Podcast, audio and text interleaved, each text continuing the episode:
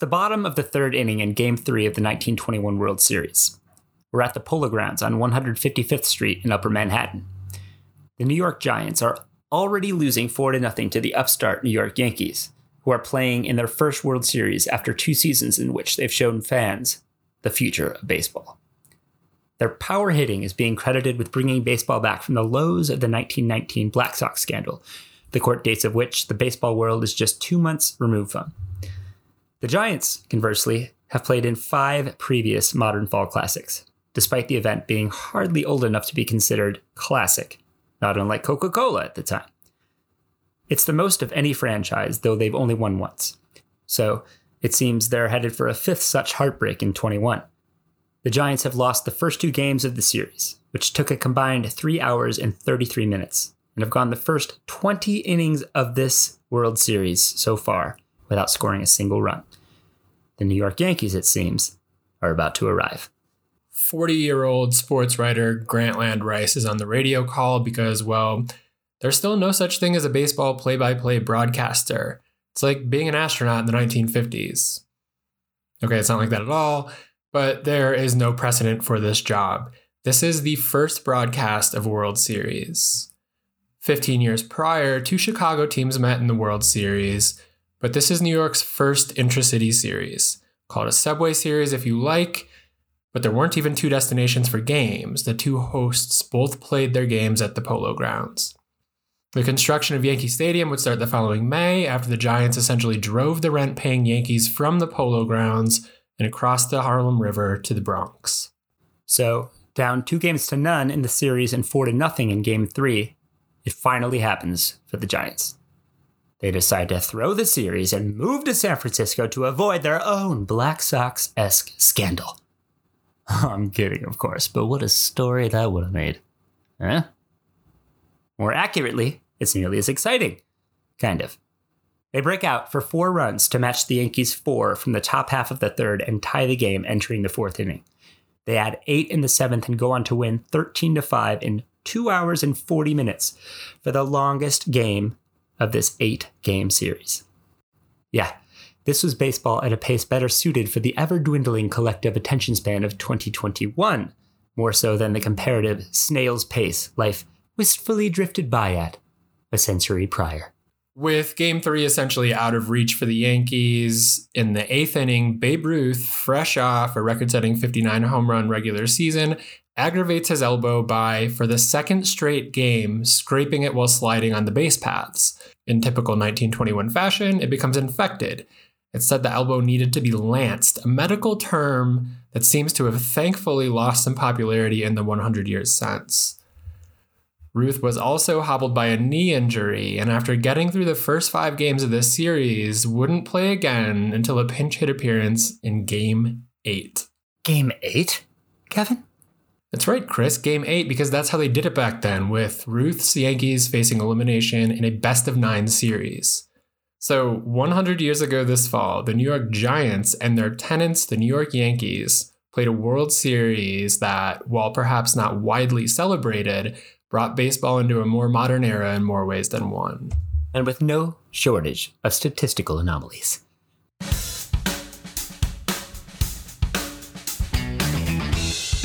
I'm Chris DeSalvo. Welcome back to the Box Score Show. And I'm Kevin Chroust. We are excited to be back for season two of the Box Score Show, a podcast created by The Analyst.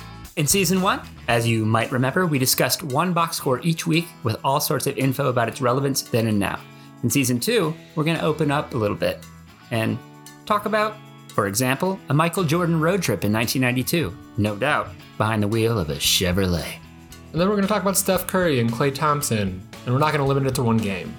Also, Bob Gibson, Barry Sanders, and plenty more. Never heard of him. Hmm. In terms of games, we will try not to be too obvious with the box scores we choose. And this one happens to have taken place a century ago, so you probably did not wake up and scan the morning paper. Yeah, there was no YouTube link for this one, oddly, and sadly we couldn't find that milestone radio call either. But there was a box score, which is why we're here in the first place. Back to that, in terms of stats, nothing too advanced. Rather, we'll stick to the stats we all grew up understanding in box scores. And after listening, check out The Analyst, where we're producing plenty of other data driven sports storytelling. That is at theanalyst.com. Here we go. You ready, Kevin? I'm ready. Season 2, Episode 1, Game 8. Okay, first off, I'm not sure anyone's up on their 21 Giants history. So, Chris, who were the 1921 New York Baseball Giants? Kevin, who weren't the 1921 New York Baseball Gigantes?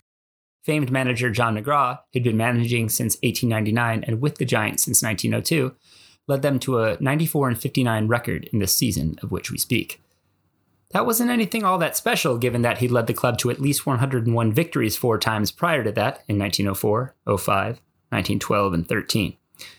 As for his players, the 1921 season was perhaps the magnum opus for the Hall of Fame first baseman, George Kelly. We promise that's the least compelling name we'll share in this show. Trust us, some wild names in this era. Anyway, Kelly had proven himself the previous season, but in 1921 he hit 308 with a career high 23 homers and 122 RBIs. As for what he was bad at, he stole four bases and was thrown out a dozen times. And over the course of his two breakout seasons of 20 and 21, he was successful on only 10 of his 38 stolen base attempts. Wheels, he had not. Yet, in perhaps the finest example of the unorthodox nature of the Polo Grounds, he managed 20 triples in those seasons. Here are the dimensions of this field. Get ready 279 feet down the left field line to the foul pole, 258 to right, 450 in the gaps, and no less than 483 feet to straightaway center. So, this is a baseball field the way a big wheel is a rocket ship. I'd buy season tickets to that park. All the better if they were 1921 prices. All right, digressions. There'll be a lot in this episode. Anyway, fellow Hall of Famer and third baseman Frankie Frisch hit 341 with 8 homers, 17 triples, 100 RBIs, and 49 steals. And Hall of Fame right fielder Ross Youngs hit 321 with 3 dingers, 16 three baggers, and 102 RBIs. That's right, 3 home runs and 102 runs batted in. One of 25 individual seasons in MLB history with 3 homers or less and 102 RBIs or more. Luckily, at this time, names were a whole different thing. One such season came from a man named Cupid Childs. And don't forget Spud Johnson. I'll raise you Kid Gleason. And I'll see that and give you a chicken wolf. No. Yes. No way. Yeah, yeah, yeah. Kevin. Chicken wolf. Two homers, 102 RBIs, 1887 Louisville Cardinals. Loyal servant of manager Honest John Kelly. All right, I can't beat that, but I do have a Farmer Vaughn. What about a Heinie Reitz? Sounds like a hot dog condiment mogul. How about Patsy Tebeau? Hmm, that's pretty good. But I got that beat with the best of the bunch. Hall of Famer, Pie Traynor. Yeah, so that trio of less creatively named giants were all entering their primes, with Kelly being 26 and Frisch and Youngs being 24. But for the sake of comparison, none of them would have been seriously competing for the NL MVP had the award been introduced at the time. That hardware would have been Rogers' to lose. Rogers, not Roger Hornsby. That year he hit 397 with 21 homers, 44 doubles, 18 triples, and 126 RBIs. The Giants, in summation, were a good offensive team, but not great. Now, Kevin, who were these ground shaking 1921 New York Yankees? In the historical stature of the time, they were nobodies. The New York Yankees in 1921 were comparative nobodies, but nonetheless, nobodies on the rise. Yeah, they went 98 and 55 for manager Miller Huggins. Yeah, they had this guy who was revolutionizing the sport, having hit 113 home runs himself in the 1920 and 21 seasons. Yeah, they drew over 1.2 million fans that season compared to the Giants at just under a million at the same park. And yeah, the Giants had 134 homers, scored 948 runs, and slugged 468 as a team, which no team had ever done in the modern era or would do again until those 1927 Yankees. But we're talking about a franchise that hadn't yet done anything all that memorable in its history and was paying rent to the team they were playing in the World Series. So, overall, by today's standards, a bit un Yankee like in the sense that they were anything but established at this time. There was hype, and they were popular. But in the way the 1995 Seattle Mariners were popular to impressionable children that may just be hosting the show you're listening to. But for them as a team, they were good. There was no 2006 St. Louis Cardinalsing your way into the World Series, winning 83 some odd games and being from a second tier city 100 years ago, let's be real. The nickname the Bronx Bombers wasn't yet a thing, but this was the season along with 1920 that put the trajectory of the franchise in place. When we think about Yankees lore, we think about 1927, right? Or perhaps 1923, when they won their first world title. But in 1921, this dude Ruth had just completed what was perhaps the best season of his career to that point or beyond, and arguably of any career of any player ever. He hit 54 baseballs over a wall in 1920. He topped that by hitting 59 baseballs over a wall in 1921. And we tend to think of all of that as evidence of the end of the dead ball era in baseball. Those 59 homers were the single season MLB record, and Ruth set the career home run record in the middle of that season by surpassing Roger Connor's total of a whopping 138 career home runs. His 59 homers were more than eight of the 16 teams in Major League Baseball. And this was Ruth's first postseason with the Yankees after appearing three times with the Red Sox, but mostly on the mound. So, in 1921, Babe Ruth hit 378 with 59 home runs and 171 RBIs decent. So decent, in fact, that it stands as the only season in which a player has hit 370 with 50 plus homers and 170 plus RBIs. And it stands as just one of four seasons in which a player has hit 350 with 50 dingers and 150 RBIs. Ruth did it again in 1927, then Hack Wilson did it for the Cubs in 1930, and Jimmie Foxx followed that up two seasons later. But in 1921, it wasn't quite good enough to win the Triple Crown because Detroit's Harry Heilmann hit 394, and his teammate, you may have heard of him, Tyrone Cobb, hit 389. Two guys hitting 389 are better for Detroit. What a waste. But back to the 21 Yankees. So Lou Gehrig was 18 and still two seasons away from his big league debut, but the Babe did have a co slugger of note. Teammate Bob Meusel hit 318 with the league's next best home run total of 24 and 135 RBIs. He struck out a league high 88 times while Ruth was a few places back tied for third with 81 Ks. Doesn't sound like much compared to today's K rates, but it was in fact the all or nothing power hitting of the era. Only 15 players struck out 50 times or more that season. One was named Hi Myers, first name H.I., short for hello, or perhaps Henry. One was named Bevo LeBourveau. One was named Bibb Falk. F A L K. Mm-hmm, mm-hmm. Digression. Anyway, if you're looking to praise or blame any duo for the power centric trajectory of home runs and strikeouts in the game over the past 100 years, Ruth and Meusel might be your OGs. All right, all right. Just got to get in one last name. And that name is Irish Meusel. He wasn't one of those 50 plus K guys, but he was Bob's older brother, and he did play for the Giants. So there's that. Relevance. The relevance of brothers playing baseball against each other.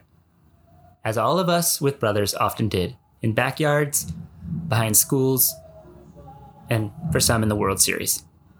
Just like the Meusels. Bob and Irish. So there was a time when we were talking about game three, but this is a podcast that's supposed to be about game eight and incredible baseball names. So let's get there a bit quicker. The Yankees dominate the first two games. Giants come alive in game three for that 13 to 5 win we talked about. Then they even the series 2 to 2 despite Ruth going 2 for 4 and hitting a baseball over a wall before the infection sets in. The Yankees win game five in Ruth's last full game of this series to go up three to two, and the offensive woes are back for the Giants with what will be their third of four games in the series with a runner less. But the Giants then win games six and seven with Ruth still out. Game eight, the last game eight ever played, started with the Giants pushing one across in the top of the first, technically being the away team on October 13th, 1921. It's windy and cold, and the hitting reflects this.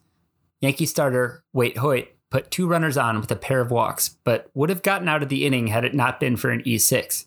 Yankee shortstop Roger Peckinpaugh flubbed a grounder from Highpockets Kelly, and Dave Bancroft came around to score, the only run of the game. Tongue twisters and all. Good thing there was no play by play at the time. And yeah, the Yankees lost. Oh yeah, did we not mention that? That yeah, sorry, sorry Hollywood. The Yankees didn't win the 1921 World Series.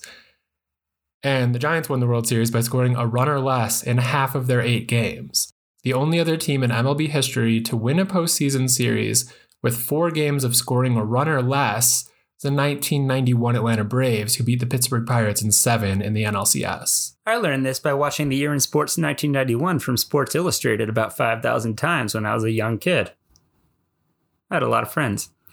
So, this game is kind of cool because it's the last game eight, as I alluded to earlier. The first radio call, the arrival of the Yankees on the national stage, Babe Ruth temporarily losing an arm or access to it, and the list goes on. But it's also significant in that it's credited with being the culmination of the series that helped bring baseball back to life.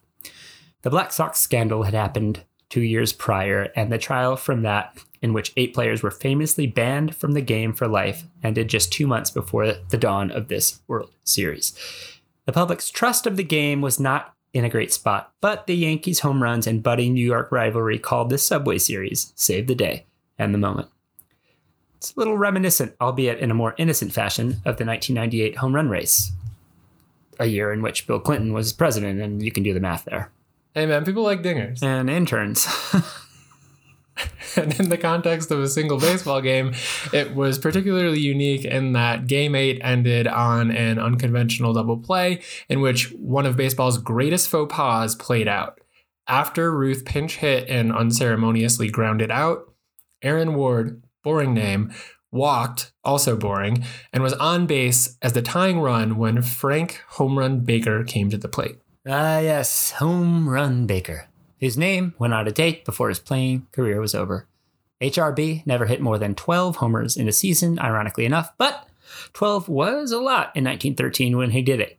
He was one of six players to reach double digit home runs that season, along with Gavvy Cravath, Fred Luderus, Vic Saier, Sherry Magee, and who could forget Chief Wilson. A young man named Wildfire Schulte was one off the pace with nine, but he gets to be in the show anyway because his name was Wildfire Schulte. Schulte. Sounds like a good drink. Tall drink of water. Jump ahead to 1921, and it was best to call Home Run Baker by his given name, Home Run Baker or John. Wait, I thought it, I thought it was Frank. It was that too. John, Frank, Franklin, Home Run Baker, Cholote. what do you not get about this, Kev? okay, back to the last inning of this very important baseball game we're discussing.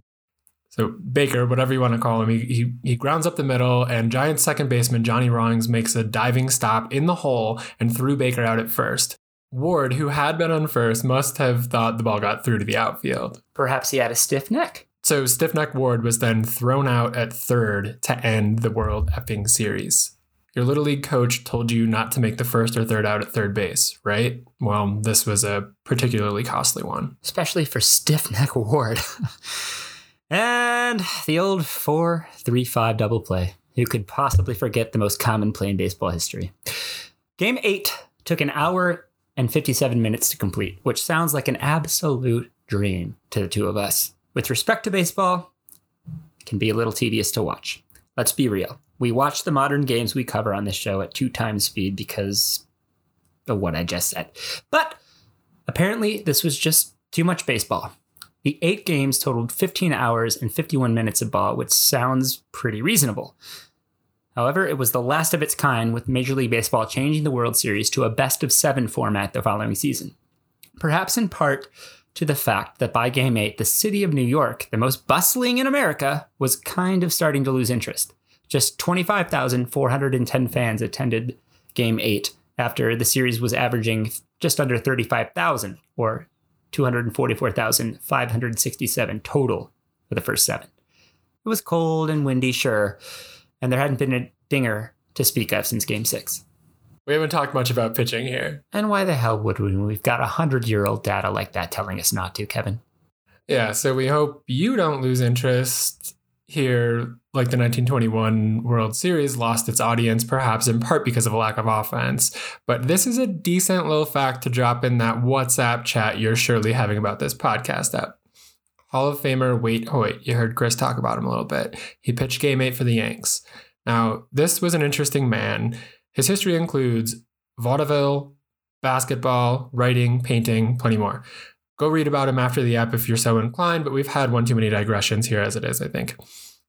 This was Hoyt's first postseason, and he had to be frustrated with how it ended. For context, Hoyt was actually signed by the Giants when he was 15 years old. Signed, in fact, by Giants manager John McGraw, managing this very series. So, seven years later, and pitching for the Yankees now, the right hander had a strong second half of the season, and he gets the ball in games two, five, and eight against his former team, winning games two and five. He threw a complete game in each, which of course wasn't uncommon back then, and he allowed two runs in 27 innings. The thing is, neither of those runs were earned. So Hoyt pitched 27 innings without allowing an earned run and was left with the unenviable tag of losing pitcher in the deciding game of his first World Series. Earned runs weren't recorded in both leagues until 1913, but Hoyt stands as the only pitcher from then until this very day to start three games in a World Series without allowing an earned run. 10 other pitchers have managed two such games, with Whitey Ford doing it twice in back to back seasons, 1960 and 61. Also, dating back to the beginning of recorded earned runs in 1913, 1921's Game 8 stands as one of four World Series games in which neither team had an earned run. The Braves of Atlanta and Yankees did it in 1996, the Mets and Red Sox did it in 86, and the White Sox and Reds did it in the previously mentioned 1919 World Series, tarnished and tainted forever by scandal. And to bring it all together, you could think Hoyt may be the only pitcher to throw a complete game without allowing an earned run who then lost a World Series game. Not true. Eddie Cicotte of the 1919 White Sox lost Game 4 of the World Series to the Cincinnati Reds under slightly more nuanced conditions, shall we say. The White Sox made two errors, I suppose you could say, to help Cicotte lose that one. Cicotte was, in fact, one of the eight men banned from baseball in the summer of 1921 for their alleged involvement in the 1919 Black Sox scandal. So you could say Hoyt's complete game loss without an earned run is actually the only genuine occurrence of that happening in baseball history. Wait, wait, wait. So you're telling me a starting pitcher was likely straight up grooving pitches to the Reds all game and they couldn't score an earned run? That sounds a little fishy. We told you about the strange ending to the 1921 series on the base paths. The thing is, the Yankees lost another World Series just five years later, with the final out coming with a base runner making the final out. Can you believe this in professional baseball? With two outs in the bottom half of the ninth of Game 7 of the 1926 World Series and Bob Meusel at the plate, the Yanks down 3 to 2, Babe Ruth tries to steal second. I don't know about that. He was thrown out, obviously. So, twice in five years, they had the tying run on base and didn't even give their bats a chance. By Ruthian standards, 1921 was a below average series for the slugger. He went 5 for 16 in the series with a home run and eight strikeouts. And as we said, he missed games 6 and 7, most of eight due to the infection and a knee injury. He returned to the World Series the following year, 1922, and again lost to the Giants, this time in five games. And despite the series being changed to a best of seven, the Yankees actually didn't win any games. Game two was a 3 to 3 tie. It wouldn't be inaccurate to call Ruth to that point in his career a postseason letdown, actually, at least with the bat. He ended the 1922 series as a career 182 postseason hitter with a home run, 8 RBIs, and 15 Ks. He had an OPS of 626, which is about half of what you'd come to expect from this man. Babe Ruth, the Paul George of the postseason. It changed from 1923 on. Ruth and the Yankees beat the Giants in six that season the season in which Yankee Stadium happened to open. But the clincher came back at the Polo Grounds, which had to be a kick to the head of the franchise that ran the Yankees across the river. So these two teams met in three straight fall classics, and the Giants played in four consecutive, losing to the Washington Senators in 1924. In all, 13 straight World Series games were played at the Polo Grounds before Game 1 of the 1923 series, which was played at Yankee Stadium. Quite the rivalry, and the 1921 World Series was just the beginning. And the end of Game Mates.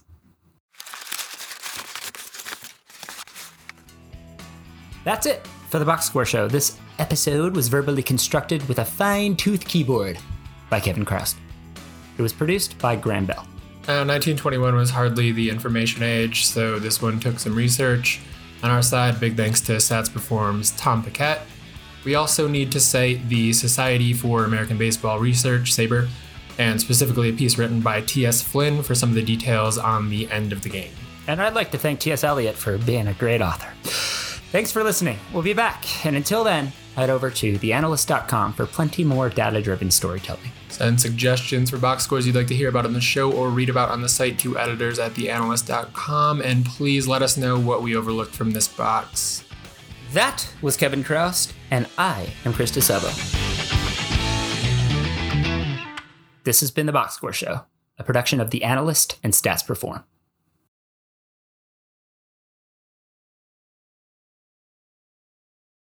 Yankee stutter, white, wait, Wait, wait. wait, Wait! That's gotta be cut out, bro. That'd be listed as. Graham, there's your soundbite for the Yeah, end. there you go.